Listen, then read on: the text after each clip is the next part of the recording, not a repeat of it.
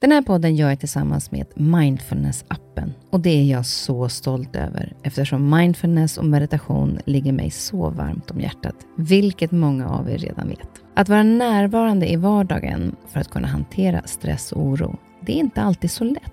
Då kan man ha mindfulness-appen nära till hands för att hjälpa dig när du behöver. För mig kan det vara så till exempel när det gäller sömnen, att vissa dagar då har jag riktigt svårt att komma till ro. Framför allt när det är mycket med jobbet. Då brukar jag använda mindfulness-appen och avsluta dagen med en avslappningsövning för att sänka stressnivån. Det gör det så mycket lättare för mig att somna sen. Oavsett om du kämpar med sömnlöshet, stress eller bara behöver en stund för dig själv så har Mindfulness-appen verktygen för att hjälpa dig att slappna av och sova bättre. Appen är utformad för att passa in i din livsstil med korta övningar som passar även de hektiska schemana. Som lyssnare till Nyfiken på så får ni 40% rabatt på prenumerationen av Mindfulness-appen. Länk till erbjudandet ja, det hittar ni i poddens Instagram, kaspersen nyfikenpa. Eller så går ni in på themindfulnessapp.com kristin. Välkommen till min podd Nyfiken på. Här får jag chansen att möta människor som jag är nyfiken på utifrån deras historia, kunskap eller erfarenheter. Människor som jag inspireras av och förhoppningsvis kan vi med det inspirera er. Och om ni gillar avsnittet får ni jättegärna dela det så fler får chansen att lyssna och det ger mig också möjligheten att få spridning på podden så att jag kan fortsätta länge att bjuda in människor till roliga och intressanta samtal. Glöm inte att du också kan gå in och prenumerera eller följa podden så missar du inte när avsnittet släpps.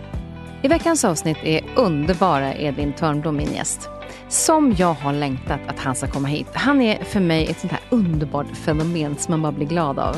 Han har jobbat och kämpat för det han vill. Han får människor att skratta bara genom att vara den härliga person han är. Och han är ärlig i det.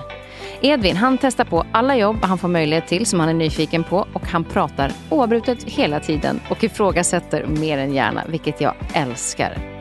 Edvin började bakom kameran med praktikplats på Breaking News. Han har radiopratat i P3, programlett flera tv-program och nyligen så dök han upp i Kanal 5 som skådespelare. Just nu så är han dessutom galet populär tillsammans med Johanna Nordström i deras podcast Ursäkta. Och han skriver på sin första bok. Jag är nyfiken på Edvin i sin helhet. För så fort hans namn kommer upp så säger de som är runt omkring mig, åh han är underbar, jag är hans fan. Eller, vem är den där underbara människan? Och precis det undrar jag också.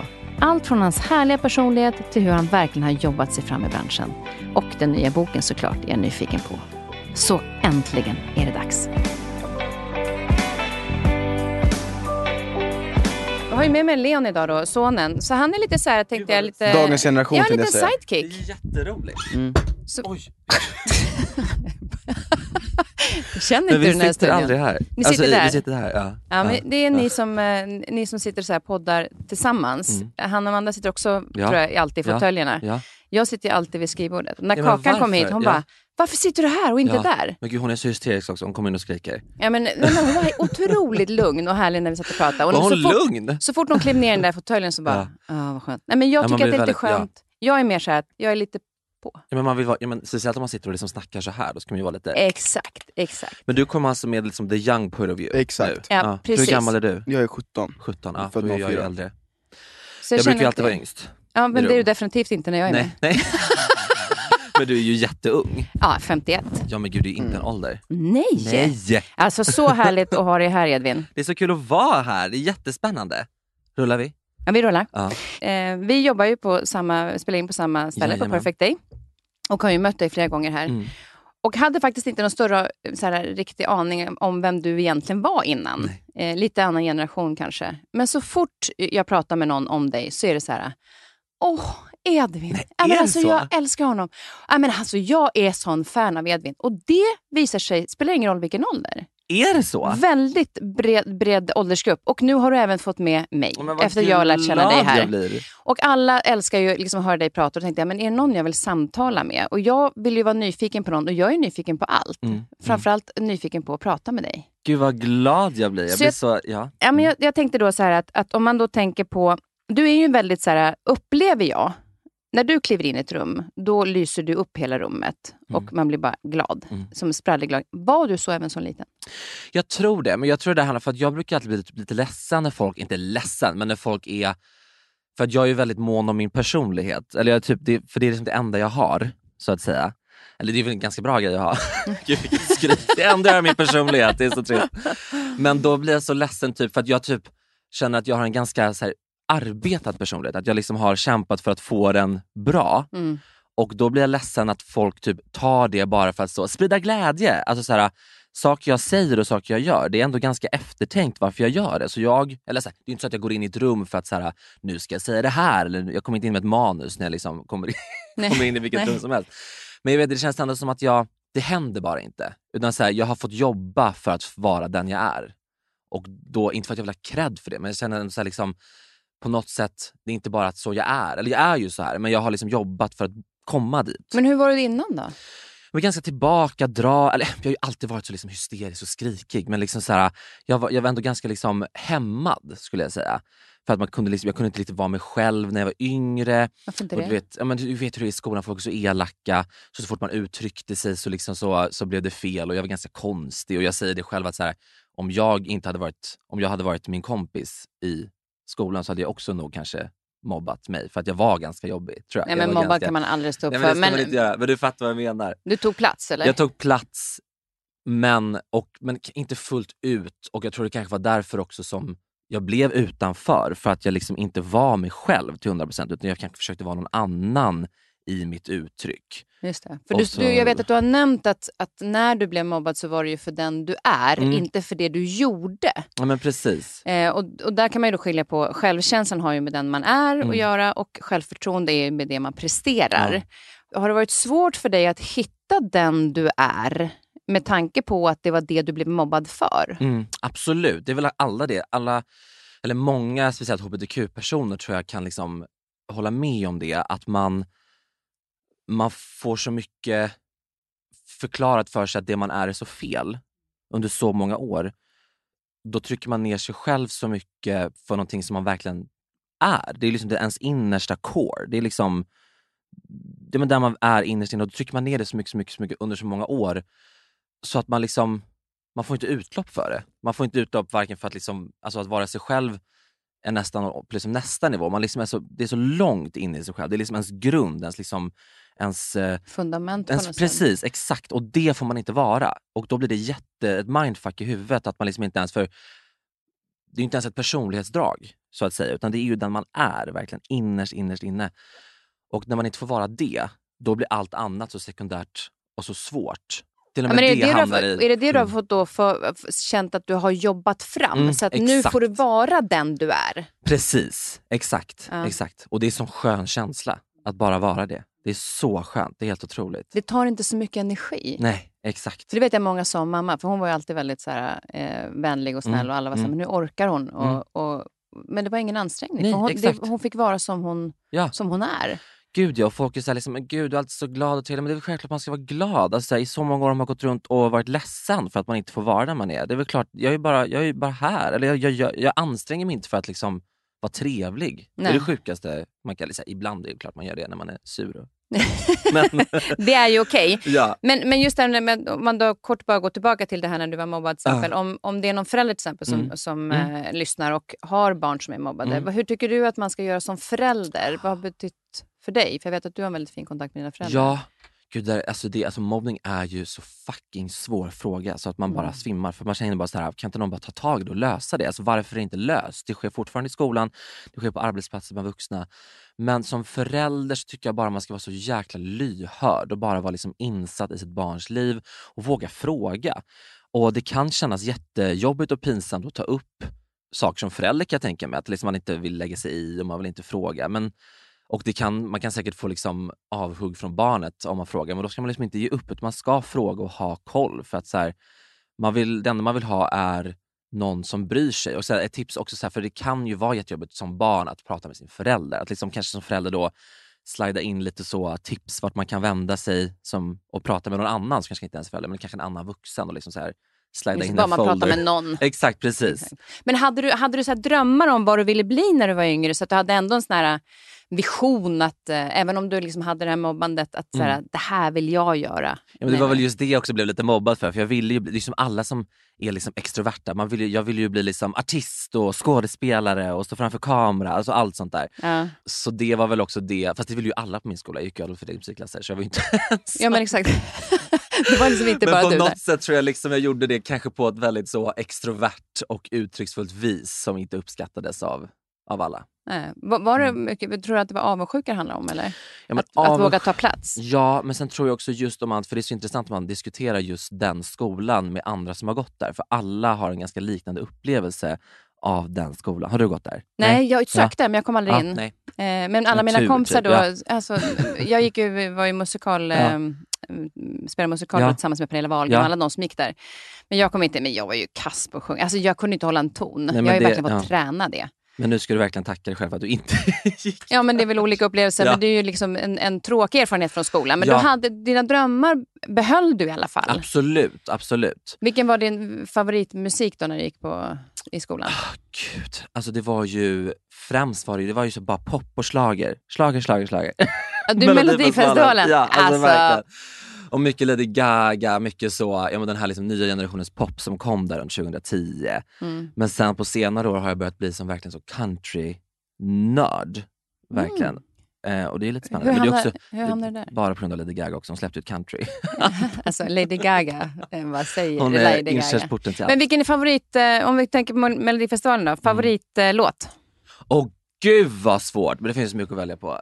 Oh, alltså en favorit är ju Evighet med Carola, Ja. 2006 va? 2006. Då gjorde jag förtimmen till Melodifestivalen. Oh my god, men har inte du lett mellan någon gång? Jag tänkte precis säga det, Ja. vilken är din favoritprogramledare i Melodifestivalen? Kristin Kaspersen. Absolut. men när gjorde du det? Det var liksom... Nej men vet du att jag och Claes Åkesson gjorde eh, första Melodifestivalen som var deltävlingar. Ja, men ju- 2002. Ja. Och där öppnar sig himmelen Ur glitterregnet glider in Artist som sliter micken ur sitt ställ och alla Blir fjollor för en kväll Oh my god. Ja. Det var inte då som Lina Hedlund och, Len- och Ja. eh, Hanna Hedlund Men alltså du är verkligen Melodifestival-expert. Ja, men jag älskar det, det är så kul. Ja, men det, det, är- det är en sån glädje. Men det roliga med det var ju när, när det, hela den turnén drog igång. Mm. Att eh, skivbolagen sa så här, ja men det, det kommer aldrig kunna få ihop så många bra artister. Det kommer Mm. bli som en, en dålig talangjakt. Nej, men gud, Eh, och det är ju liksom... Men- men- blev... Mm. Ja, men jag, jag tycker det är lite kul att att- att f- filma dig Mm. när vi pratar lite. Det. Jag har en gäst här, kom. Vem då? Eh, Han ville bara komma förbi. Men gud älskling! Nu tar, tar jag med mig hela familjen här. Jag nu kom orkar eh, min son Filip in. Så bra. Här Eh, kommer alltså in Edvin alltså, har ju- framtida vinnaren. Ja, Ja, och när vi spelar in det 2021. här så har eh, Filip inte dansat den finalen utan det är imorgon. Ja, kommer verkligen. Men jag kände bara, jag hörde att du skulle ha själva Edvin Törnblom i studion. Köpa kaffe. Jag bara nej. Det ska vara bubbel. Så nu kommer han in med bubbel här. Och där sitter du då Johanan. Jag finns... Ja, du sitter också och snackar. Mm, Ja. jag också snackar. Jajamän. Gud vad hej, härligt. Men gud vad kul! Ja, men Vilken vi- överraskning! Ja, men det var ju... eh, Jag dör! Jag fem minuter, sen så ska jag på... Sen ska jag tillbaka till Men att du har tid att vara här, Det måste vi ju herregud. lösa. Ja, skål. Fy Det fan kommer vad bli kul. skitkul. Det ska bli spännande att se när den här kommer ut hur det gick. Skål, nej men verkligen. Jag tycker, tycker Brämhult ska... Skål. Men alltså, så tack för att du kom förbi.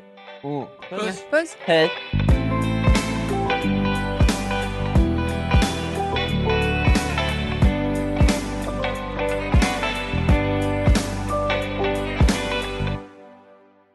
Din karriär, Mm. alltså det här är ju... Eh, jag försökte liksom sum, alltså få ihop det på något sätt, men Mm. jädrans vad grejer du har gjort. För du började ju inom det här på Breaking News Mm. som praktikant. Hur Exakt. gick det till? Nej, men alltså, jag var liksom 19, hade precis gått ut gymnasiet. Hade, medan alla andra hade varit så, tagit en tre månaders i, eh, vad gör man det, Asien. Mm. Så hade jag liksom åkt till LA, gick en jävla improvisationskurs, försökte så tänka så, jag kanske. Så 19, helt talanglös, jag kanske kan slå igenom LA, det funkade inte. så jag åkte hem och kom hem och var lite så här. men vad nu? Vad ska jag göra? Vad ska jag göra? Vad ska jag? Vad ska jag göra?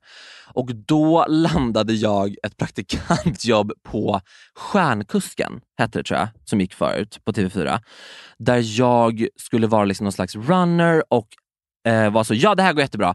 Men jag är så, alltså, så gränslöst allergisk mot hästar. Alltså gränslöst. Jag kan inte vara närheten av en häst. Men du tackar jag, ändå ja till jobbet? så, ja vi kör, det är ingen fara, vi bara åker iväg. Vad ska hända? Det är inget. Alla. Men som tur var ställs det in och jag av en slump bara glider in hos Filip och Fredrik och får en praktikantjobb där. Eh, och jag var en sån person som knappt visste alltså vem som var vem av Filip och Fredrik och hade liksom aldrig sett något annat program av de som de hade gjort. Jag har liksom inte varit något fan och de många som jobbar för dem är fans från början. Många drar sig till dem för att de liksom är fans. Men jag kom in dit och var väldigt så, alltså så här, jaha, gud vad jag ska säga, spela cool. Men, så här, men jag, vilka, jag var lite så, vilka är det här? Typ. Och gjorde min grej väldigt mycket. Eh, och var liksom en sån här riktig ja, men, proddass liksom, råtta i flera år och sprang runt och liksom, eh, ja, men, så här, gjorde allt man gjorde. Koka kaffe, åkte på ärenden, fick Filip Hammars snus utspottad i min hand eh, innan sändning och liksom, så här, sprang hans ärenden och bara jobbade hos dem i massa, massa år och det var så roligt. De är otroligt, eh, alltså att ha dem som sina så att säga lärare, som det lite blev, Ja. eh, har varit fantastiskt för de är så otroligt man kan tycka vad man vill om dem, men de är alltså fantastiskt eh, professionella och Ja. väldigt duktiga på det de gör. Ja, det är de ju Och, eh, verkligen. ja. Jag, tänkte, jag hörde att någon hade påpekat att du inte hade någon utbildning när du kom dit. Var det producenten? Ja, men det var Caroline Ringskog som nu är ju fantastisk. Hon är ju manusförfattare och regissör men var producent på Breaking News. Då. Hon tittade på mig i köket på produktionsbolaget Mexico som vi var på och bara var så, vad gör du här? Jag bara, ja nej jag är praktikant. Ja, vad går du för utbildning? Nej, nej ingenting. Eh, jag, jag är här bara, ah, gud vad oseriöst. Och jag var så, mm, tack. Och då var jag liksom min första dag på ett produktionsbolag som jag var, så här, var, var liksom verkligen så, a deer in headlights och hon bara, det första hon säger verkligen så trycka ner mig längs fotknölarna. Men det var okej, för att hon, sen blev vi goda vänner. Ja. Men det här är också en sån här grej med utbildning. Ja. Det kan jag tycka idag är- så tydligt att tänker du lite utanför boxen så har du alla möjligheter. Gud, ja. Vad har det Verkligen. betytt för dig att du har, att du har liksom verkligen knegat dig fram? För att, eh, just det här med liksom att man är bakom i produktionen. För jag mm. kan uppleva att väldigt många vill ha lite bråttom idag. De ska bli de största Gud, ja. influencerna på början. De ska bli programledare på en gång. Mm. Hur tycker du det har varit att jobba liksom dig fram på det sättet? Alltså den skolan, om man vill göra någonting vad det än är inom liksom showbiz, så är ju den skolan, alltså vare sig man vill hamna framför till slut, så är liksom den här bakomdelen är så otroligt viktig. För det är där man ser allt, det är där man lär känna alla, det är där man får alla all förståelse för allt. Man får, det är där allt händer. Så att man, om man har det i ryggen så kan man göra framförjobbet så otroligt mycket bättre. För man vet så mycket vad det tar att liksom leverera den här framför personen som bara står framför och liksom gör liksom det sista jobbet. Ja, Den och liksom den personen kan inte vara så Exakt. bra om inte alla andra finns. Och Det är Exakt. det som är så himla viktigt. Jag älskar ju själv att jobba bakom Mm. kameran, för jag Mm. började precis på samma sätt. Ja. Jag jobbade gratis på Strix Television Mm. bakom Robert Aschberg Mm. och jobbade gratis då ett halvår. Ja. Och det är ju det bästa. Att Ja. bara koka kaffe, finnas där, dra kablar eh, och se hela grejen. Mm. Att man knegar sig fram inom ett yrke som man någonstans Mm. drömmer om. Mm. Att inte ha så bråttom att Mm. börja tjäna pengar. För det betyder inte så här, framgång. Att framgången ska komma så fort. Mm. Det där är ju framgång i sig. Gud ja, och det är så vanligt nu när man ser, speciellt kanske i vår, nu säger jag att vi är samma generation för jag vill fortfarande känna mig lite ung. Ja. Men det förstår jag att jag Le- inte Leon och, och Edvin är samma generation. Det är tio år emellan bara. Men, det, men det, det finns något i, det finns en otrolig stress att, eh, att hamna, man vill hela tiden gå framför, man vill hamna före, man ser de som kanske då är så, liksom, inom situationstecken högst upp, att man vill dit på en gång och det är så här, man kan inte ta sig dit för då gör du inte det jobbet bra. Du kan kanske få ett gig eh, som det du vill göra, liksom om, om, som, som du egentligen borde göra om fem år, men det kanske du får inom några månader. Men du hade gjort det så mycket bättre om du bara hade väntat lite, skaffat lite mer erfarenhet, varit lite lugnare i utvecklingen och mognat mer. Så Mm. gör man ju det jobbet mycket, mycket bättre. Visste du när du började på eh, Breaking News att det var just tv du ville jobba med? För nu gör du ju allt möjligt. Det har ju Mm. varit radio, det är podd, det är, du är skådespelare. Jag har sett dig dyka upp här på kanal 5. Ja. Eh, visste du liksom vad det var du ville inom det här yrket? Alltså jag, jag är ju sån här super-tv-freak. Jag, det är roligt, för när jag jobbar på produktionsbolag så sitter jag i så här, någon gammal producent sitter och säger något så jättesmalt litet program de gjorde så 2003 och jag var så gud det var mitt favoritprogram, jag såg det hela tiden. Alltså, så. Eh, så att jag är sån super tv-junkie, alltså verkligen. Så att jag älskar Många vill ju, många kanske tycker som så att, att jobba inom film eller att bli skådespelare är finare än att bli programledare. Men jag har alltid drömt om att bli programledare. För jag tror att när jag säger det till folk i branschen, folk så, men är programledare något man blir? Alltså det är väl någonting man gör när, man, när det inte finns något annat. Jag är så, ursäkta? Det är det, alltså that's the, liksom, the highest of the highest att göra för mig. Det är liksom det bästa, det bästa Och man idag kan är det ju verkligen ett yrke. Nu är det ju, alltså, I år är, firar jag ju 30 år som Ah, programledare. det är helt sjukt. Herregud! Ja, eller 30 år inom ja. tv. Jag gjorde ju eh, norska vädret först. Oh my god! På du TV3. flyttade på norska? Ja, jag pratar norsk. Du gör det? Ja, helt. Så jag, det var liksom sprätte regnbyger och glatta vajer och sånt. Pratar du också norska? Nej, Nej. Men du, men du är norsk medborgare, Leon? det är Ja, Det är jag. Men jag är ju också, halv, eller inte halvnorsk, men, men eh, norsk lite. Ja, Så. men det är härligt. Norska blodet här inne. Men just det här att, att eh, då när man blev programledare, Mm. det var ju liksom inte direkt något yrke. Det var ju typ Ja. några som var det och sen var det mer nyheter och sport Ja, och sånt som precis, hade ja. programledare. Ja. Men sen växte det också med takt med hur kanalerna, Ja, hur många kanaler det blev. Så idag är det ju verkligen ett yrke i sig. gud ja. Men, men jag tänker på dig Leon som då är 17 och ska liksom börja, du går gymnasiet, ska, går, slutar snart första Ja. året på gymnasiet. Eh, men, men hur tänker du jobbmässigt, så att, eftersom det är många som siktar så högt på en gång? Alltså, jag har ingen, som man säger, ingen stress för att nå toppen direkt. Det är så att jag söker jobb som runner och Mm. glassbarer för att jag vill lära sig, alltså jag vill göra allt som Mm. så här, finns göra i normala världen, alltså normala världen, alltså, vad ska man säga, jobbvärlden. ja men inte, Mm. show, inte bara showbiz. Inte, inte bara showbiz. Men det jag vill gärna bli är också typ så här, göra podcast. Mm. Det tycker jag är jättekul. Mm. Jag älskar att snacka, jag lyssnar väldigt mycket podcast och jag lyssnar på eran. Och jag känner verkligen såhär bara, nu måste jag verkligen snacka. Men då är det bra att bara här börja och träna lite här. Ja, ja, jag, bara, jag känner bara såhär, kanske man ska bli assistent här på Perfect Day kanske. Exakt, Ja! exakt. Det är Alltså, så det man ska börja. Man kan göra, det bästa man kan göra. Ja men det är ju verkligen det och det är det någonstans som, jag, som jag, vi har pratat mycket om att, att, eh, och framförallt också eftersom vi då är en kändisfamilj, Mm, att mm. det är liksom när någon öppnar en dörr för dig Edvin, Mm. så, så är ju det ett nätverkande. Mm. Sen spelar inte det någon roll om, om du har kontakt eller inte, Mm. utan det är ju viktigt att öppna den dörren, men det är ju fortfarande du som måste prestera. Gud ja. Mm. Det är väldigt lätt. Jag har varit i så många situationer där folk har sett avundsjukt på folk som kommer från kändisfamiljer eller folk som kommer med mycket kontakter eller är son eller dotter till en producent eller vad det är. Men alltså så här, I know, I've seen it. Det är så här, ja, första steget är lätt att få liksom en kontakt eller att få det första jobbet men sen är det bara den Mm. personens prestationer som spelar roll i slutändan. Det spelar ingen roll vart man kommer ifrån. Ja, det är bara att säga så att när man är som ungdom och är en kändisfamilj, så här, man, Mm. man gör något inlägg och samarbete och tjänar pengar Mm. fort liksom. Jag kämpar inte för det. Nej. det var, okej, jag får en, kanske en bra häftig summa pengar, men jag har inte kämpat för det. Mm. Jag är inte värd de här pengarna, så jag, så här, mitt första, jag jobbar som säljare, Mm. att sälja, runt och sälja miljövänliga kläder. Men gud, redan? Ja, Men och, gud, du är 17 Och knacka dörr. och knacka dörr. Och, Herregud, och så- jag var- jag så här, kassa. jag var verkligen inte bra. Ja. Jag var verkligen inte bra. Jag kunde, jag kunde, jag kunde verkligen inte pressa folk till att köpa kläder. Nej. De bara såhär, nej jag vill inte ha, okej hejdå. Det är ju inte säljarvägen alls. Men då fick du ett svar på Ja, det. ja, och då fick jag så bara okej jag är inte en säljare. Det vet jag. Ja. Men det, det jobbiga var att jag, var, jag kunde alltid snacka med personer och bara ah, men hej hur mår du? Ja. Gud vad kul att se dig, ah, världen är så perfekt liksom. Och sen så bara, just det, jag är här för att sälja kläder. Mm. Vill du ha något? Nej. Ha det bra.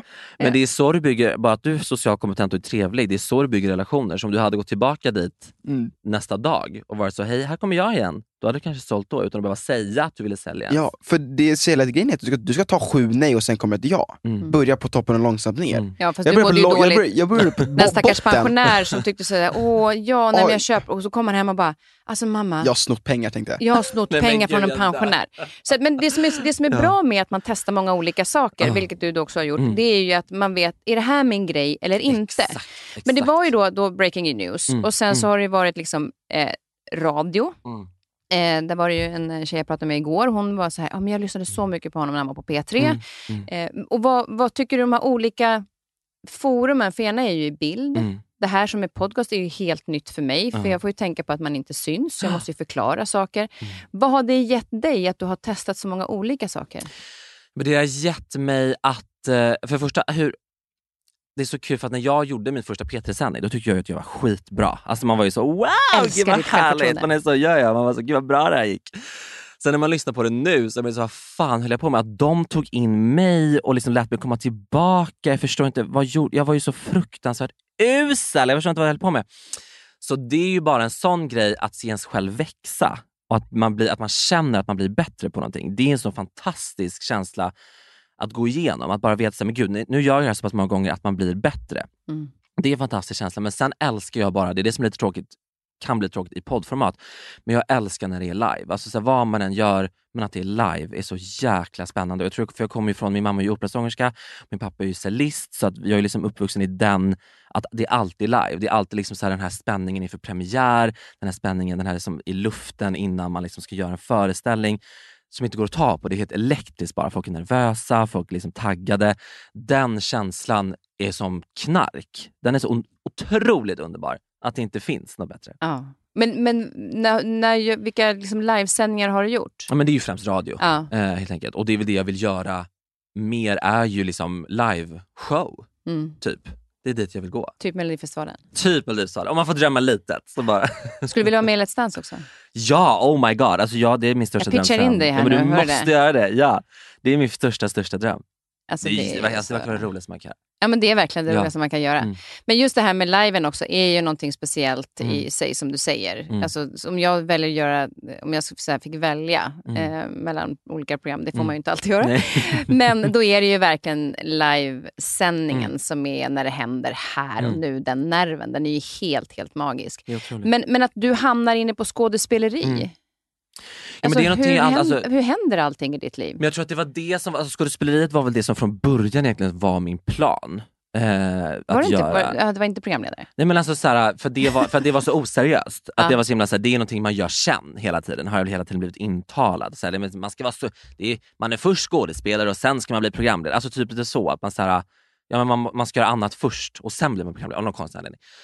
Men det tycker inte jag. Men så jag har ju alltid hållit på med teater. Jag har liksom gjort grejer när jag var liten och när jag gick teater i gymnasiet och min plan var liksom att så, söka scenskolan och bli så, oh, men usch vad hemskt att göra det att, idag när jag tänker tillbaka på det.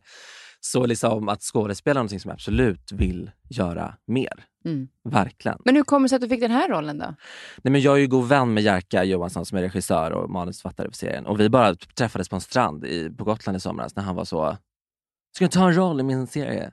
Och då är jag, jag var som Lady Gaga för att hon fick aldrig göra auditions förut för att hon, alla tänkte att hon var så duktig ändå att hon bara inte behövde göra några castings. Så jag sa så här, nej, jag vill göra en casting. Jag vill inte göra dig besviken så jag vill göra en audition för det här. Så gjorde jag en audition och så fick jag det.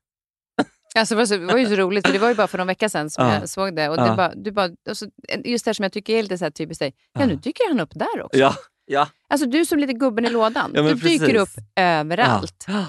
Men och, när man då tänker på det här med, liksom, när vi pratar lite om radio, Mm. och det tänkte jag, eh, en grej. Jag lyssnade på ett, eh, du var gäst med, eh, vad heter den, Tusen modiga frågor. ja, just det. Gud, det är P4, eller hur? Ja. Ja, ja, Mm. och, eh, det är ungdomar som ställer Mm. liksom Mm. massor. Du verkar också måna väldigt mycket för ungdomarna, för du har också varit runt i landet och gjort Mm. program där du har liksom pratat med ungdomar. Vad är, det som är, vad är som gör att du engagerar dig så mycket i ungdomar? Ja, men för att jag tror att ungdomar mår väl mest piss av alla. Typ, känns det som. För att man, inte, man, har inte kunnat, man har inte lärt sig att hantera pissmående när man är så ung. Eh, så att för mig är de... Man mår så jävla dåligt när man är liten och ung. Så jag vill bara få dem att må lite bättre, om jag kan göra det. Är det någonting du känner igen dig i? Alltså otroligt mycket. Var det framförallt tonåren då? Eller? Tonåren är ju hemska för alla. Mm. Vad säger du Leon? Det jag säger med det är att när det kommer till att vara tonåring i dagens samhälle så är det, alltså man kan verkligen inte visa sina känslor. Nej. Det är så svårt. Mm. Och speciellt, alltså, jag, vet, jag vet inte hur det är för tjejer, men jag vet ju som kille att Mm. du har ju verkligen ingen att gå för, för att dina problem är ju så komplexa. Mm. Alltså de är så svåra att snacka om. Så, så här, om jag ska snacka med någon, jag vet inte. Om jag ska snacka med dig, du kan inte koppla till mig hur det är med Instagram, Snapchat, Youtube. Alltså det är ju en sån förändring Mm. med sociala medier som har hänt. Och liksom, jag vet inte vad jag ska ta mig till.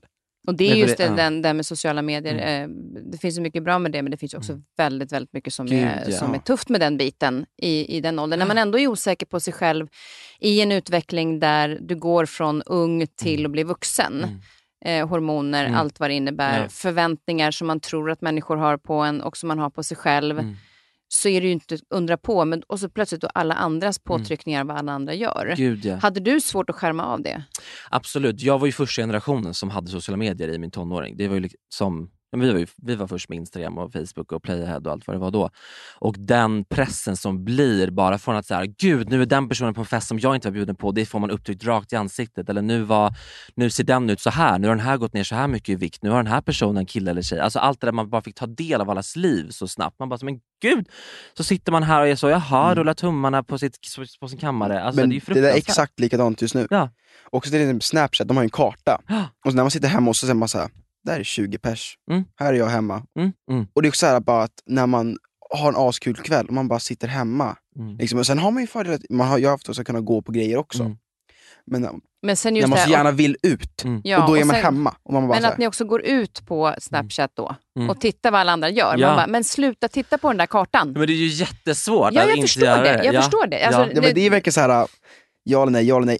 Ah, bara, Mm. bara, kvick. Ja, Men det är ju tvångstankar. Eller man får, det är Ja, bara ja, sånt bara att det exakt. drar en inifrån. Jag tycker det är så fascinerande, för jag har ju nu varit singel lite, kanske lite för länge. Eh, jag vet inte nu vad, vad du tycker, men, men när, när, jag fick, när, när Instagram kom, Ja. alltså jag har ju inte haft liksom en så här riktig relation en längre tid Mm. sedan Instagram. Och du vet när folk säger ah, den, han likar den bilden, varför Ja. gillar han henne? Och jag bara, va? Ja. Vad är det som händer? Ja, men det är ju det nya the game, är ju liksom hur man beter sig på sociala medier. Det är ju inte så hur man så, ska vi gå och träffa honom på klubben? Alltså det är ju så, Mm. ska du kommentera det här eller ska du se hans story? Alltså så. Ja, men om du Mm. till exempel, jag lyssnade på ett poddavsnitt här med eh, när eh, Bianca hoppade in. Ja. Eh, vilket var vä- väldigt roligt avsnitt. Alltså ett skov, en, Ja, två kakaduor sitter och... Ja men det var verkligen så. Men det var väldigt, väldigt roligt. Och då kom ni in på, på dejtandet lite. Ja. Eh, och då hade du börjat textdejta med någon. Mm. Hur går det? För det var ju bara några veckor sedan. Gud, nu måste jag tänka vilken av, vilken av alltså- alla gånger. Vad härligt. Är det så? Gud, vem kan det vara? Jo, men det var ju med den här killen som jag sen i nästa av vårt poddavsnitt hade råkat Alltså typ dagen efter vi spelade in det avsnittet så satt jag och Johanna på en, en restaurang och så, så eh, sitter vi och pratar om honom och jag sitter och så vi har skrivit med varandra och vi har chattar och jag visar upp vår konversation och hon skriker men det är ju han, han var med i den här filmen, lalalala. Och sen tittar Johanna på mig så här iskall och bara så, Edvin, jag tror han sitter bakom dig. Nej. Och jag tittar bakåt och är så, nej men det är inte han. Alltså nej det är inte han. Och sitter vi så här, nej men är det han, är det inte han? Lalala. Och så ser jag så här, nej men gud, han har samma skjorta på sig. Eller det är, så här, det är samma skjorta på den här mannen som den här killen jag pratade med hade på sig senast vi sågs. Så var det han som satt alltså en halv meter bakom oss. Och vi har ju suttit fulla som kastruller och skrikit ut den här informationen. Så att han, det kom ju fram att han inte hade hört någonting. Men sen pratade vi om det i vår podd och då hörde Då hörde han det. Ja, så det är Så lite... var ni den inte, har... det, det blev Det inte, du följde inte hennes råd och Biancas råd? Vad var För det? det var, nej, men det var med AV, ni skulle texta. Ja just det, just det. Så, inte- nej, det går ju inte nu. Då har han ju lyssnat på det också. Så det blir så pinsamt om jag kommer och är så. Ja, jag tänkte på det Ja. med er podd, att Mm. när ni är så pass ärliga som ni är så Mm. kan det ha vissa konsekvenser. Gud ja. Och det har det uppenbarligen. Men hur Mm. gör man då när man dejtar?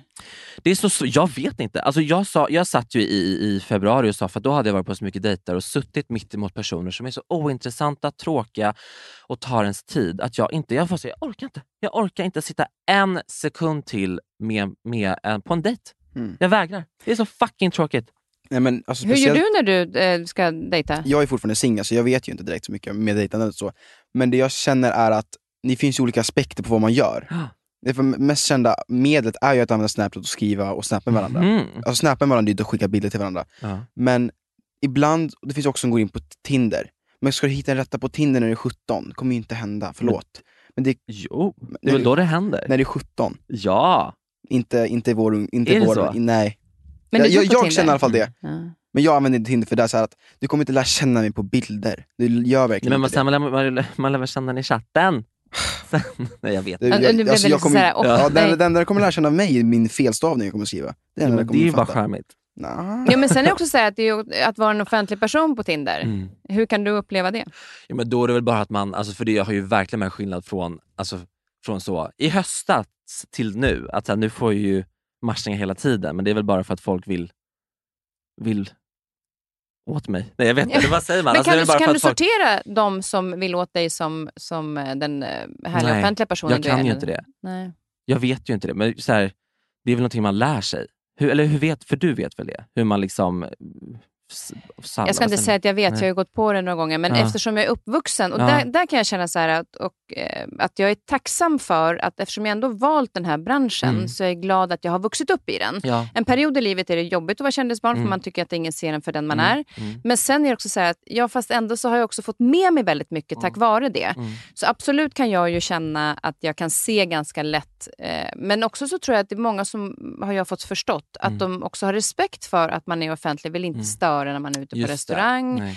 Eh, och, och, och att jag då måste anstränga mig mer. det. Mm. Och det har jag kanske inte gjort. Jag hörde att ni pratade om Johannes Hansen. Mm. Ja, ja, precis. Exakt. Ja. Han har ju Mm. varit här. Så det blev ju Aha. två avsnitt för att vi pratade så länge. Oh my god. Ja, exakt.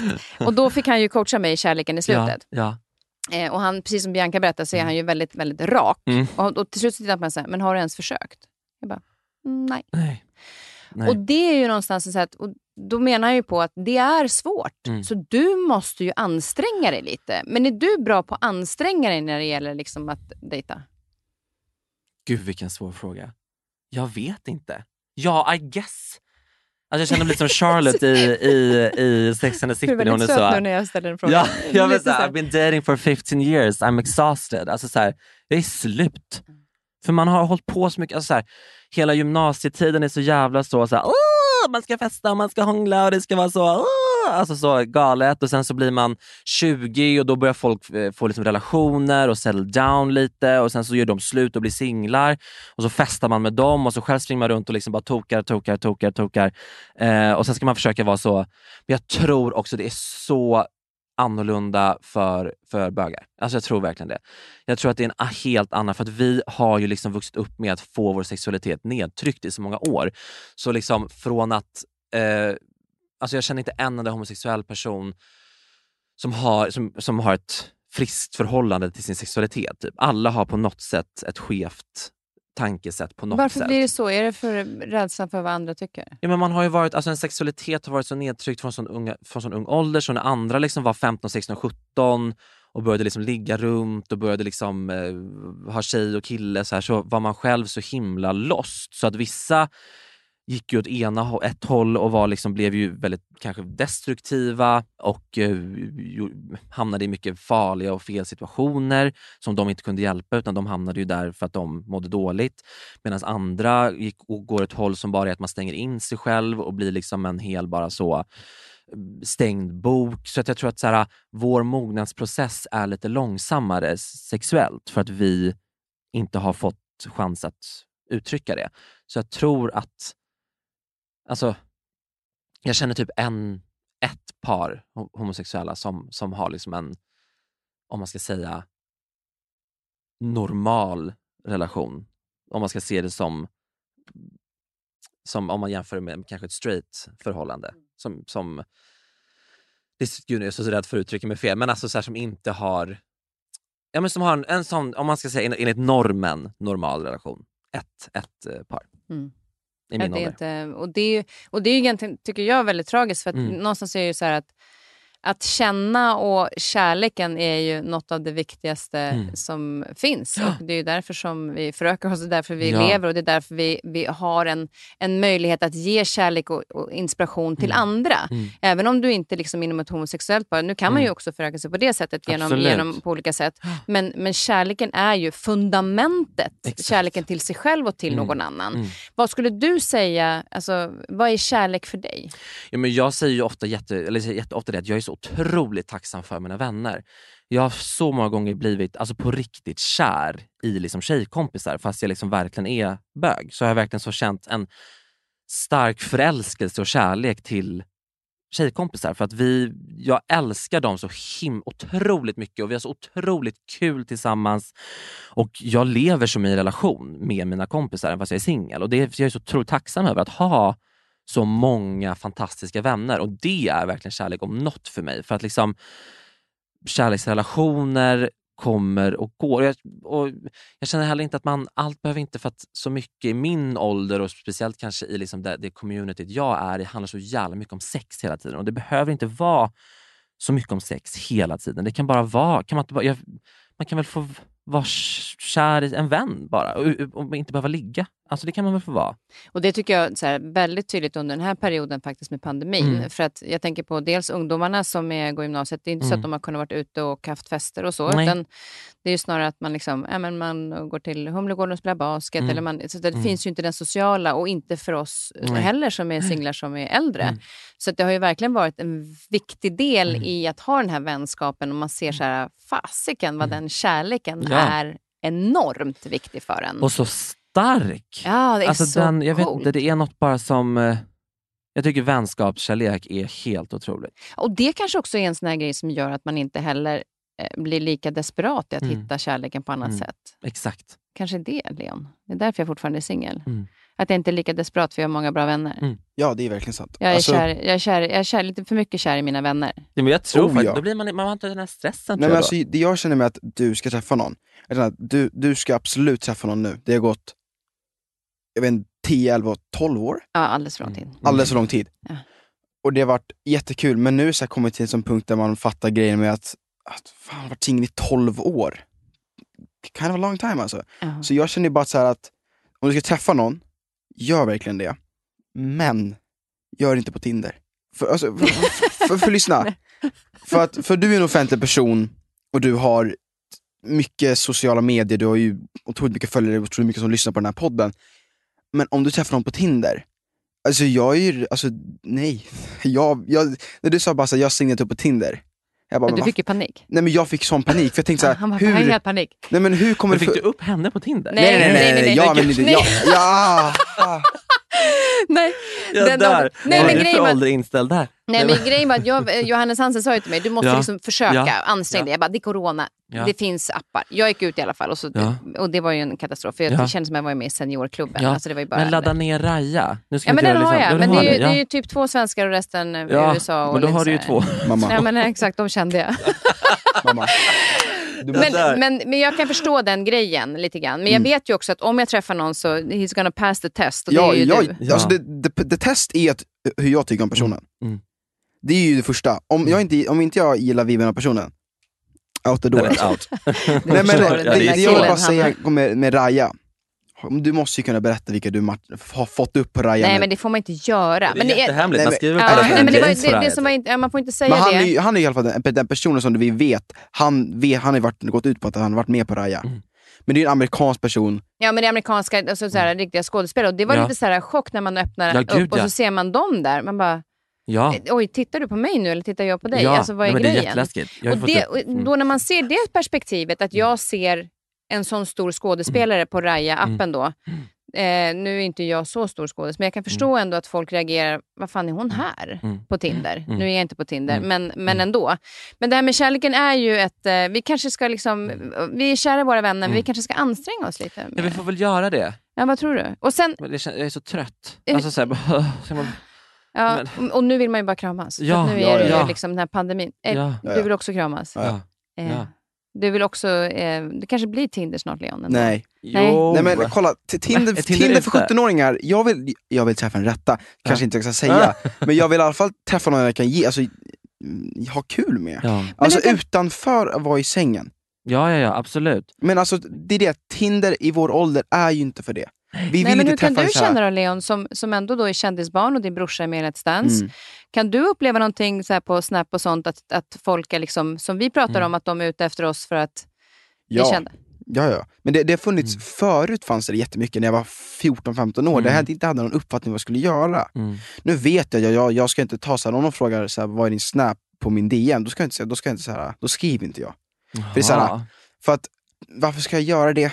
Om, de, om jag går in på vilka de följer, då är det så här, Chris, mamma, Okej. Filip, Malin, och så är man så här, ja, de vill verkligen lära känna Ja. moi liksom. Mm. Men, så, så jag känner ju bara så att, att det är så här att, när det kommer så, jag vill bara, om jag ska träffa någon, då ska det vara i person. Ja. För det är så mycket härligt att snacka med varandra i början utan att, så här, att skriva så här. vad gör du? Mm. Vad håller du på med? Vad, vad, vad gör du för? Kör du någon sport? På, att se Mm. det på Snap. Det är inte kul. Och om man, om man ringer upp någon direkt, Mm. det är bara så här, vad fan? Ringer? Ja men det Exakt. gjorde ju vi. Jaha. De Alltså, vi, direkt. hade ju inte ens, vi kunde inte ens smsa. Förstå vad nervös man var när man skulle ringa upp. Och säg, vad sa man då? Hej, hej. Nej, jag kommer inte ens ihåg, men vet, man bara, ibland ringde man ju upp och la på. För att när man hörde rösten blev man ju så nervös. Att, men, men på ett sätt kan jag tycka att det är ändå lite härligt, för då hör du ändå Verkligen. rösten. Idag på sms och, och när man textar så ser du ju inte alltid tonaliteten. Nej. Och det kan ju faktiskt ställa till det. Ja. Eller? Men alltså, jag alltså, tror att vi, nu, nu Vi, vi är båda ungdomar nu alltså. Att vi har ju väldigt, vi, vi eh, vad ska man säga, generation Z som jag ändå vill vara del av. Eh, vi har ju väldigt, vi kan ju smsa med ton.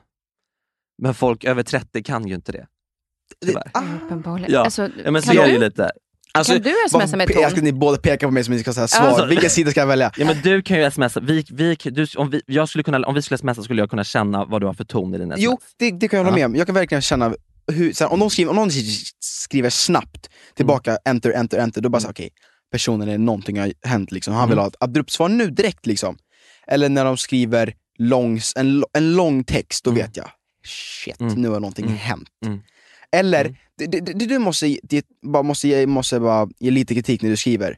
När du skriver 'ring mig' på, snä- på, på meddelanden, jag, håller, alltså jag, jag gråter redan innan, för jag Ja. vet att någonting har hänt. När, när, så jag satt på en lektion och så bara så här, ring mig, ring mig nu. Och jag bara oh my god, nu, Och så är är, det så, nu, "Hej, nu, nu, har ju ska någon, nu har ju en någon olycka hänt tänkte jag. nu, är så här, nu har Filip hamnat i någon olycka, nu, har, nu sitter jag inne på sjukhus. Och sen så, så här bara, jag ska kolla kuddar. Ja. Va? ja men så är det ju! Va, va, Ja men så är det! Och jag, har- jag, har- jag bara så här, Och fast grejen är så här, att när, när det är viktigt, när man tycker att det är kanske inte så viktigt då, men, men ibland är det så här att man, som mamma så smsar man ju, det är inte så att man får svar. Jag kan Nej. inte säga att jag smsar och jag brukar få svar, men skriver Nej. jag ring mig, Ja, då då vet man att det händer. Ja. Jag måste faktiskt berätta en rolig grej som hände med min mamma. Apropå det här med att vi hade ju inte liksom sms på den tiden. Så var det, vi var i Göteborg och hon Mm. uppträdde på scenen. Mm. Eh, jag sitter hemma i lägenheten tillsammans med min syrra Mm. och ringer bakom scenen på den riktiga telefonen. Eh, och då så säger de till mamma när hon kommer och byter om att din dotter har ringt så många gånger, du måste ringa henne. Och mamma blir ju jätterolig Ja. för att typ lägenheten brinner. Ja. Så hon ringer, då är det upptaget min linje. Och då kan man göra så att då kunde man ringa en upplysning som gick in och bröt samtalet. Oh my god. Ja, det var ju så det funkade vad- Hon bryter samtalet bara liksom, älskling vad är det som har hänt? Ja. Mamma, vad är det röda nagellacket? Saluta! Alltså hon bara, men unge, jag dör. vänta, så Det var ju Men så superviktigt. var det ju på den tiden. Ja, och mitt hur i showen. Hur Liksom. men visste du inte att hon hade, hur gammal var du? ja, Nej, men jag var väl 8-9 år. Ja, men, bra, men, men då men fattar jag. Om jag 19-20 var år. 17 hade det Nej, varit jävligt konstigt. alltså. Ja, men, det det då att man- kunde du ha känt av stämningen lite. innan. Exakt, Ja. exakt. Men där Ja. kunde man ju då dragit ett sms om det hade Ja, varit på jo, den absolut. tiden. Ja. Ja, men det finns ju mycket att prata om när det gäller det här med smsandet och skrivandet. När det gäller skrivandet, Mm. boken Mm. Edvin. ja. Alltså du ska skriva en bok. Och jag vet vad, jag tänker på dig så ofta. För du har skrivit böcker. Ja. Och det känns som att när du sitter och, och liksom, ja, när, du har liksom, ja, när du turnerar runt med den och när du liksom sitter i, i soffor och pratar om den, så, eller om böcker som du har skrivit, så känns det alltid som att du bara så, jag skriver en bok. Det är ingen, det är ingen big deal. Jag skrev den. Alltså så här, det, är bara så här, det, det har varit noll, du har, bara, du har suttit ner, det har varit så harmoniskt, du har suttit liksom i in peace och bara så tycker, tycker, tycker, tycker, tycker, tycker. För mig är det alltså den värsta ångesten jag känt i hela mitt liv. Ja, det, det brinner inom mig av stress, av ledsamhet, av panik, av ångest. Att sätta sig ner framför datorn med liksom dokumentet jag skriver i, det är som att jag ska liksom eh, hoppa ut från ett stup varenda gång. För att jag, liksom, jag är så rädd, så rädd, så rädd och det är, så, det, är det, det, är det jobbigaste i hela mitt liv. Och för Men det vad, känns vad, är det, vad är du rädd för? Jag har full förståelse för Jag bara Ja. undrar vad du är rädd för. Jag är rädd för att när jag sätter mig ner och ska skriva så vet jag, eller jag vet ju det innerst inne att så här, gud, det här kommer en redaktör läsa och det här kommer skrivas om tusen gånger när det publiceras. Men så här, det jag skriver nu, det ska tryckas, ges ut och läsas av andra människor. Så att det måste vara, det jag skriver nu måste vara bra. Alltså så här, för du vet, så här, när man poddar då sätter man sig ner och latt och så här, lite så. Men då sätter man sig ner och då ska det komma ut det bästa man har gjort någonsin. Mm. Men berätta, vad är, det, vad är det boken handlar om då? Så får vi, eller, Nej men jag får ju inte nej, du får inte säga. Nej, men det är är, det, är det en Ja. roman eller är det liksom mer om dig Det själv? är en bok med det är en bok. Ja, okej, en bok med text. Vi, vi men pratar det, inte mer. det är så men jag kan säga det att det, det ämnet jag skriver om är extremt viktigt och jag brinner så mycket för det. Så Ja. att, ja, det, det ger också en other level av stress för att jag vill att det ska bli rätt och eh, att det ska bli bra. Det jag, det jag gjorde, jag fick, när jag skrev min första bok var jag ju livrädd eftersom Mm. jag eh, problem med dyslexin Mm, och eh, ADHD och allt det där. Mm. Så mm, jag på så här, dokument ett. Mm. Alltså, hur fasiken ska jag få ihop 350 sidor eller 300 sidor vad det är. Åh. Men då var det faktiskt, då fick jag ett, ett, eh, ett tips och det var att tänk inte att du skriver från, från sida ett utan börja med ett kapitel oavsett ja. vad det är. Ja. Alltså, eller bara det kan vara ett stycke. Så placerar du det sen. Ja. Då blev det mycket lättare. Och sen tänkte jag inte på att det var så många som skulle läsa den. Utan jag tänkte att jag skriver Ja. till... Jag hade en person framför mig som jag tänkte på. Och då blev det mycket lättare. En Just kompis som jag så här, det här eh, behöver jag berätta för henne. Ja. Och då skriver jag på det här sättet. Och Mm. då blev det mycket lättare att så här, zooma in. Mm. Men sen kan jag lova dig att även om jag är lugn efteråt, det är väl Mm. förmodligen för att Alltså äntligen är det över. För att det är, en, alltså det är ju en stress och det är ju någonting för att det är viktigt. Ja, Och de här orden som du levererar blir sedan någon annans som de får ta precis. del av. Ja. Så det, det är en sån process och jag tror att det är väl också egentligen i slutändan också lite njutningen av det. Mm. Men jag kan lova dig, jag har inte suttit så här, åh vad mysigt det är att sitta och skriva en Ja, men, bok. ja, Ja. jag, tror, jag tror det. Nej, men, som, jag, som jag har bott med dig mamma, eller Ja. när du har skrivit bok, Ja. du är ju, man, man kan säga något såhär bara, mamma, och så, så åker förbi Ja. öronen. Mm. Du är ju så inuti den här boken i en så lång tid, så jag säger till dig, det här är din sista bok. Nu räcker det. This is the last one. Nej Ja, men för att, Ja. förlåt, jag bara, för att det är ju, du sitter ju dag och natt Mm. och skriver här och bara rättar, gör om, Svär. problem, eh, ja, n- jag har inte... Nej, jag svär mest i mitt eget huvud. Ja, Nej, nej, när du inte får till det. Ja, Men ja. vad, är, vad, är liksom, vad är planen? Hur lång tid är, har du på dig att skriva? Och Ja, liksom? men jag har några månader på mig, men några månader hade ju gärna fått vara några år. Känns det som. men det är nästan bra Ja. med en deadline. Ja, det är det. Eh, Och jag... eh, Ja, men vi får se. Det är otroligt kul samtidigt. Jag är väldigt glad för plattformen. Att få berätta det här jag vill berätta. Läser du mycket Så- böcker själv? Nej, men det är det också att så här, jag, jag kan läsa en bok per år för att jag blir så känslomässigt involverad och, eh, och eh, indragen i en bok så att jag liksom blir så slut känslomässigt när jag läst en bok. Så jag kan inte, alltså jag har försökt läsa så två böcker på en sommar, jag kan inte. För att jag är, alltså jag, jag, jag kan inte läsa en bok så där liksom så folk läser så fem minuter per kväll. Utan då sitter jag och läser den under två dagar. Sitter jag så. Ehm, så det, jag, blir så, jag, blir så, jag blir så trött. jag blir Nej, slut. det där tycker jag är så Ja. intressant. För eh, om jag läser en roman som verkligen så här, jag tycker att den är så häftig, Ja. alltså in i den historien, då kan inte jag förstå hur man kan stänga och så öppna en ny. Nej! Alltså jag lever ju fortfarande Exakt. kvar i det här, liksom, om det är en kärleksrelation eller hur, hur det slutade. I Så jag måste veckor. vila det. Ja. Nu läser jag mera faktiskt faktaböcker, för de Mm. kan man... Ja, men jag kan man bläddra lite men jag är väldigt dålig själv på att läsa böcker, för jag läser extremt långsamt. För jag Mm. läser ju varje ord. Det. Så det tar väldigt lång tid. Och då Mm. tycker jag liksom, just det här att man då själv sitter och skriver böcker. Mm. Men nu, ska du göra ljudbok? Ja. Ja. Men det, ja men det får man väl säga. Ja, det får man säga. ja. För det, det tyckte jag var häftigt. Eh, jag har gjort det med den sista boken. Och det som var häftigt med det var, jag kände bara här, när jag hade skrivit klart den och hade redigerat den så många gånger, så Ja. tänkte jag orkar inte läsa Ja, den boken en gång till. Jag är så trött på mig själv så jag kräks. Ja, Men så, så gick jag in och läste och då fick jag ju berätta historien. just det. Ja. Och det blev väldigt fint. Ja. Istället för att jag skulle skriva ner historien så mm. fick jag ju berätta den för någon. Mm. Och återigen så hade jag en Mm. person framför mig, vilket jag har på direktsändningar också, Ja. eh, när jag gör att jag tänker en person är inte Nej, alla hundratusen som är där. nej. Och det var väldigt fint. Så Ja. även om du är superless på, på Mm. ditt skrivande och har, har redigerat och alltihopa och sen ska läsa in den, man känner Mm. att nu är jag klar. Nej, det Ja. är jag inte.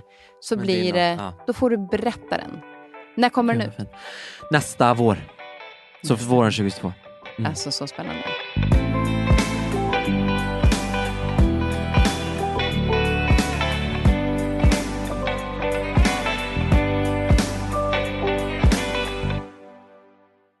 Men, men det man då tänker då så här, nu har du ju liksom eh, blivit otroligt populär och väldigt framgångsrik. Jag måste ta fram här nu, för jag har fått in en lyssnarfråga. Oj! En, ja. Kollar du någonting på Robinson? Jag, jag, na, na, men jag Telefon. känner ju en som är med. Vem? William. William. Mm. Mm. Eh, det här är en annan eh, som har en fråga till dig. Ja. Eh, Joanna Ja. Svika. Hon har en liten fråga Oh my god. Hej Edvin, Johanna här. Först och främst, fan vad du och Johanna är grymma.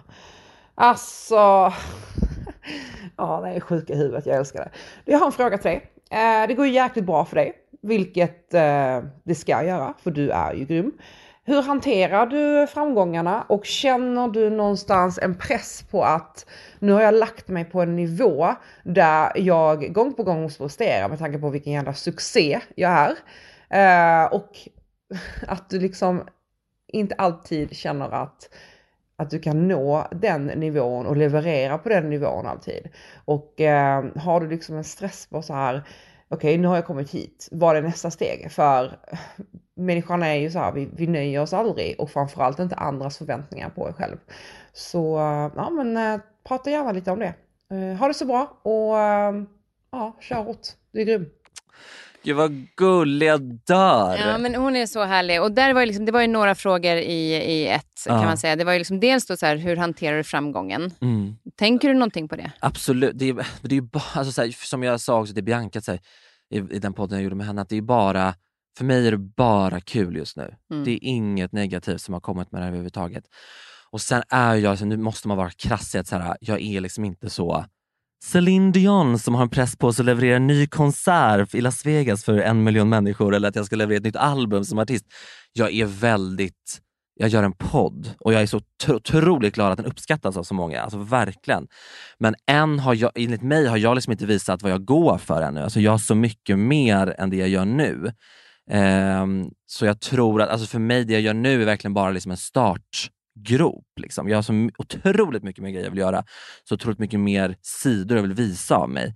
Så jag tror att det är nog en känsla som jag har, i huvudet hela tiden nu. Att säga, jag ska ju, det här är bara början. Liksom. Herregud, Jag ska ju vidare och göra tusen andra grejer.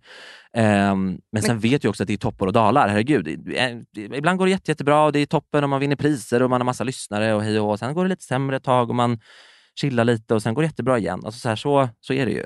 Ja, det kanske också med, du har varit med också jobbat bakom, så du har ju Ja. sett lite grann också sen tidigare. Men det är ju ändå eh, det här med andras förväntningar var hon inne Mm. på. Mm. Tänker du på det eller tänker du mer på vad du själv vill leverera? Alltså i och med att vi startade ju podden i en väldigt bara så, vi hade inga förväntningar överhuvudtaget. Vi satte oss ju bara ner, alltså, och det känns som att alla säger det, men literally bara satt och babblade. Liksom.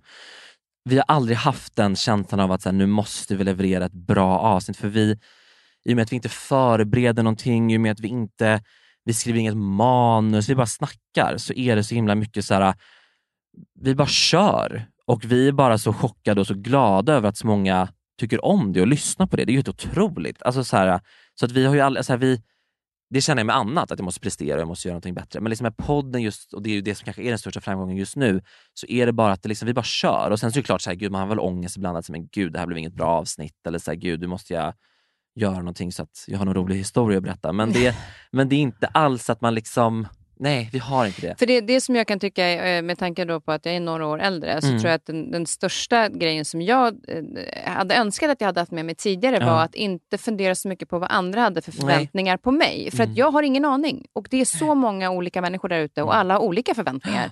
Så att vara i den man, man själv är Mm. eh, och känna här, okej, vad kan jag leverera? Mm. Att inte gå så mycket på andras förväntningar och, Nej. och känna att fan, jag är nöjd med det Mm. här. Jag mår bra av det jag har gjort. För jag vet att du pratade med Bianca också lite grann om vad är viktigast för dig? Att andra tycker att det är bra Mm. eller att, att du själv tycker att Mm. det känns bra. Mm. Och då var ni båda inne på att andra Mm. skulle tycka att det var Mm. bra. Mm. Eh, och det är ju fantastiskt. Mm. Men det viktigaste någonstans också är för att man ska leva med sig själv, Mm. tycker jag. någonstans Att känn efter själv. Tycker jag, kändes det här bra Verkligen. för mig? För då Mm. blir det oftast ärligt gentemot alla andra. Mm. För du vet inte vad folk förväntar Nej, sig. exakt. Men förväntningar kan vara svårt att stå emot. Verkligen.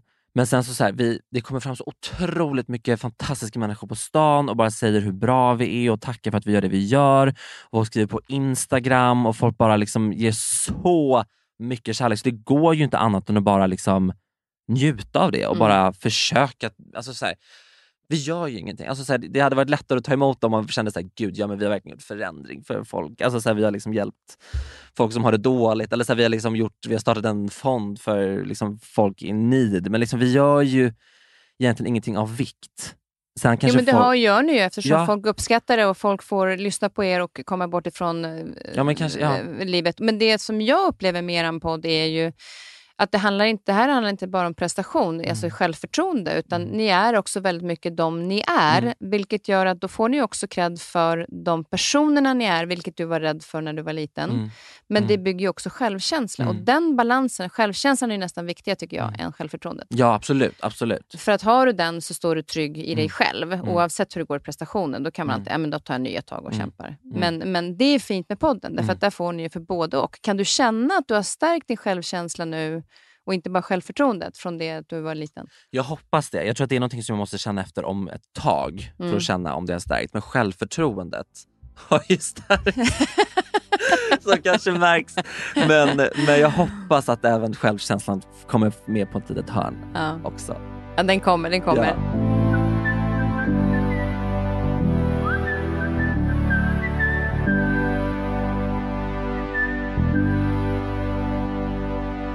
Men jag vill också höra vad du är Ja. nyfiken på.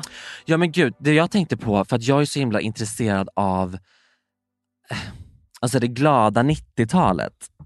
Så Mm. det känns som att du var en sån, alltså, sån star under 90-talet.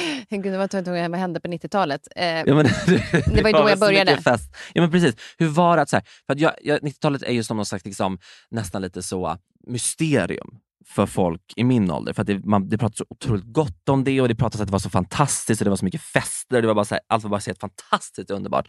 Och du slog ju liksom igenom då. mm. Hur var Ja, det det liksom jag att, göra det? För mig var det ju, jag slog igenom med eh, uppdraget då framförallt Mm. 92, nej 93 Mm. var det. Och så fick jag ju Hylandpriset för det och Aftonbladets TV-pris. Mm. Men, men, så det vart ju en väldigt stor start Mm. på den. Men grejen är så att det var ju mycket partaj och det var mycket roligt, Mm. men jag jobbade så mycket. För mig var liksom jobbet i fokus. Ja. Så att det här med att det var mycket fester liksom runt Stureplan, så här, partajade jag så var det mest uppe i Järvsö. Liksom. Och det var väl kanske lite taktiskt drag också, för där var det liksom, slapp man löpsedlarna Ja, än vad man ja. gör på Stureplan. ja. Om man nu får välja. Men, men för mig var det liksom, det, var, det som var roligt var att det var inte så många inom den här branschen. Mm, mm. Så vi var ganska, liksom, vi var ett gäng som verkligen eh, var med om det här Mm. tillsammans. Så jag vet jag pratade med David Hellenius eh, om det för ett tag sedan. Att, fan, vi var ju med när TV3 och TV4 startades. Mm. Alltså det är ju helt sjukt Ja. att vi har fått vara med på hela den här resan. Nu sen också börja gå över mer till det digitala. Ja. Men TVs storhetstid har ju Mm. vi verkligen fått vara med på. Gud ja. Så det var ju en, en, framförallt inom tv-delen skulle jag nog säga att det var enormt mycket kreativitet Mm. och skapande som jag älskade. Då satt man verkligen på tv-huset och där Ja. skapades allting. Nu är det ju mer, nu kan man skapa tv lite överallt. Gud Alltså, ja. sammanhållningen är ju inte riktigt på samma sätt. Och Nej. det tror jag att jag mest saknar ifrån, om jag ska liksom, eller vad det jag tyckte var häftigast Mm. under den tiden, Mm. storhetstiden på det sättet, är ju sammanhållningen i tv-huset, vilket jag upplevde under Let's Dance. Mm. När vi hade liksom teamet nära, det var produktion, kostym, musiker, allting hände Ja. på en och samma plats. Det är väldigt sällan i produktioner.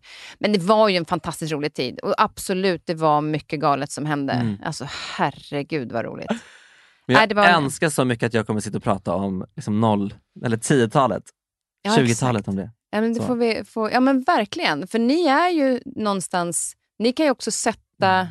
Tonen. Eh, exakt. Ja. Vilken press.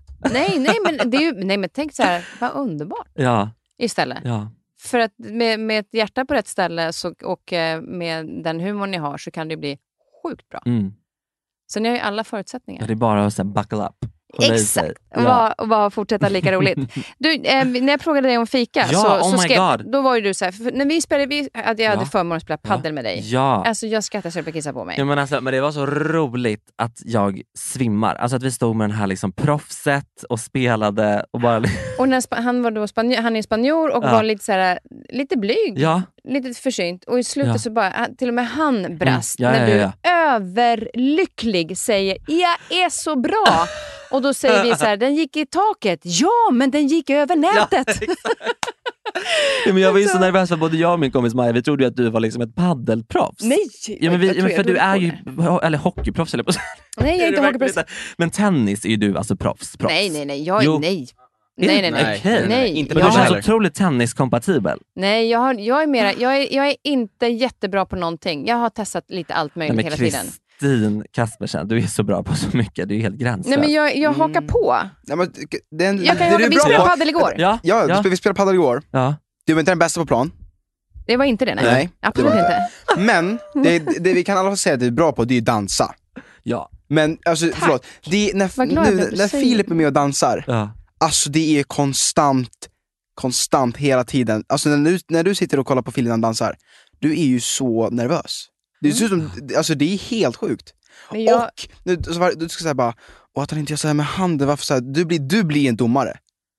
Du blir coach. Nej, Har du coachat ja, ja. honom någonting? Du blir en sån nej, coach. ingenting. Nej, nej. Du blir en sån coach Nej, det. men det, det, det jag är imponerad, jag säger det jag är imponerad över och det är när, Mm. jag, när vi då pratar om Filip när han dansar, det är att jag tycker att han har varit fantastisk i att Mm. ta fram om man säger, de feminina dragen i dansens, i, i manliga dansare Ja. som gör att det blir manligt. Ja, exakt. Att man ja. vågar ta ut där till exempel med handen liksom, och armen, mm, man drar ut den. mm. Att det har fascinerat mig för han är en basketkille. Ja. Mm. Eh, och liksom, jag såg inte det komma. Men det som är är att just i och med att jag har varit, jag har ju tittat ibland på fötterna när de har dansat de olika, Mm. för att jag har ju blivit nött av Kalle Sterner. Ja. Gör så här. Så när domarna så här, säger att det var 10 poäng, jag bara, vadå klacken var ju inte ens i. De skulle ju föra med klacken. där. Alltså, det, det är ju därför att jag kan inte dans, men jag vet ju vad de har nött Ja, in i mig. Så Ja. där kan jag hålla med om att jag blir lite så. Men, men jag säger inte högt, jag har aldrig sagt det till Filip. Jag har bara sagt att han ska njuta av resan. Ja. Ja, ja. Och sen har han världens bästa lin som han dansar med.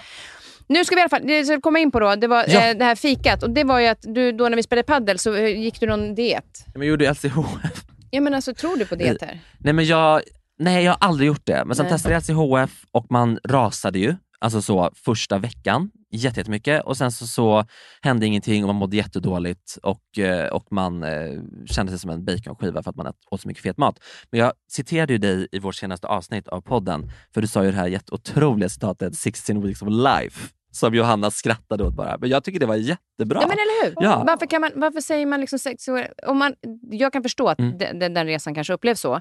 Men of jag, tycker att, liksom. Mm. ja, men jag tycker att man ska Eh, om man kommer igång med träning, gör någonting så Mm. att du kan ha det för livet. Alltså sen, kanske mer intensivt i början för att Mm. komma igång. Mm. Men därför har jag tagit med mig då fika som Ja. är Eh, jag anser att det är god fika därför Ja. det är kanelbullar och det är en tigerkaka men det Ja. är inte på vanligt raffinerat socker Nej. utan det är bara agave, det är bättre alternativ, det är glutenfritt Mm. och det är väldigt mycket bra innehåll i Ja. det. Och att man kan äta sött och gott men jag tänker mest på organen i kroppen. Alltså sluta fixeringen utanför. Organen ska, maskineriet ska Mm. fungera. Lägg fokus på det. Så, nu ska vi fika och vi ska lyssna på en, en låt som du har valt. Gud, ja, det är min favoritlåt just nu. Island in Jag- the stream. Ja, Dolly Parton. Ja, du var, för det var ju så lite roligt. Jag gick Mm. in då på, det var ju, Mm. hur många har gjort cover på den?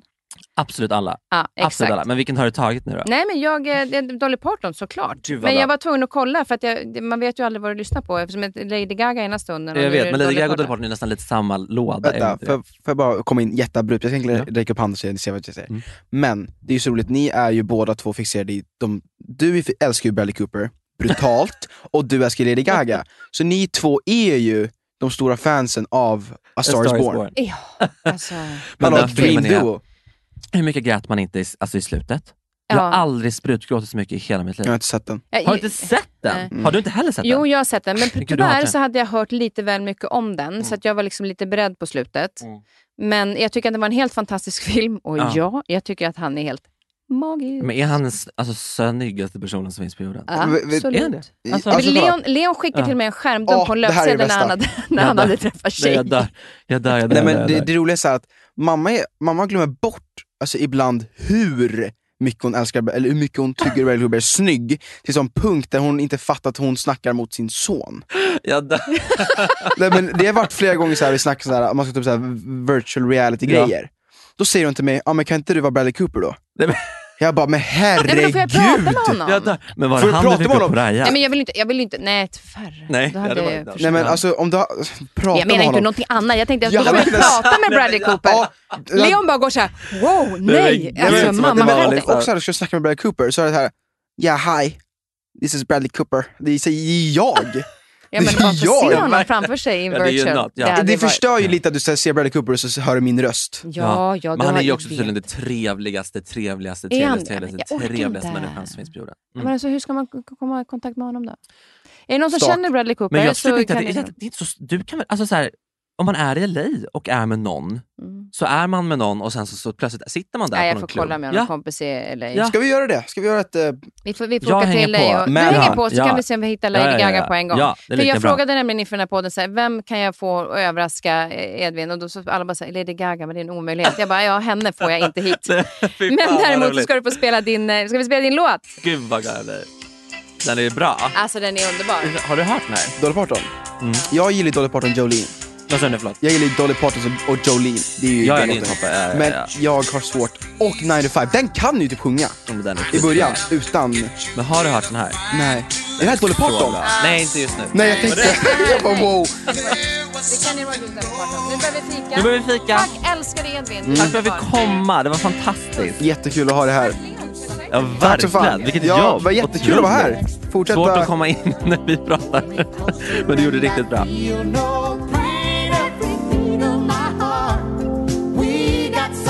go.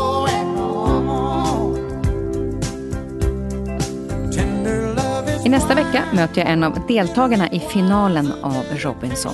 Och eftersom finalen inte gått än så kommer jag inte säga vilken gästen är. Men vi kommer prata om livet på ön och ni kommer få höra en hel del av det som inte kommit fram under seriens gång. Det som vi tittare missat och allt som har hänt bakom kameran. Det gör att avsnittet nästa vecka kommer att släppas efter Robinson-finalen är klar. Så direkt efter Robinson-finalen är klar, då släpper vi avsnittet. Så ni som är nyfikna och vill ha lite mer bakgrundsinfo om Robinson-livet får direkt det när finalen är över.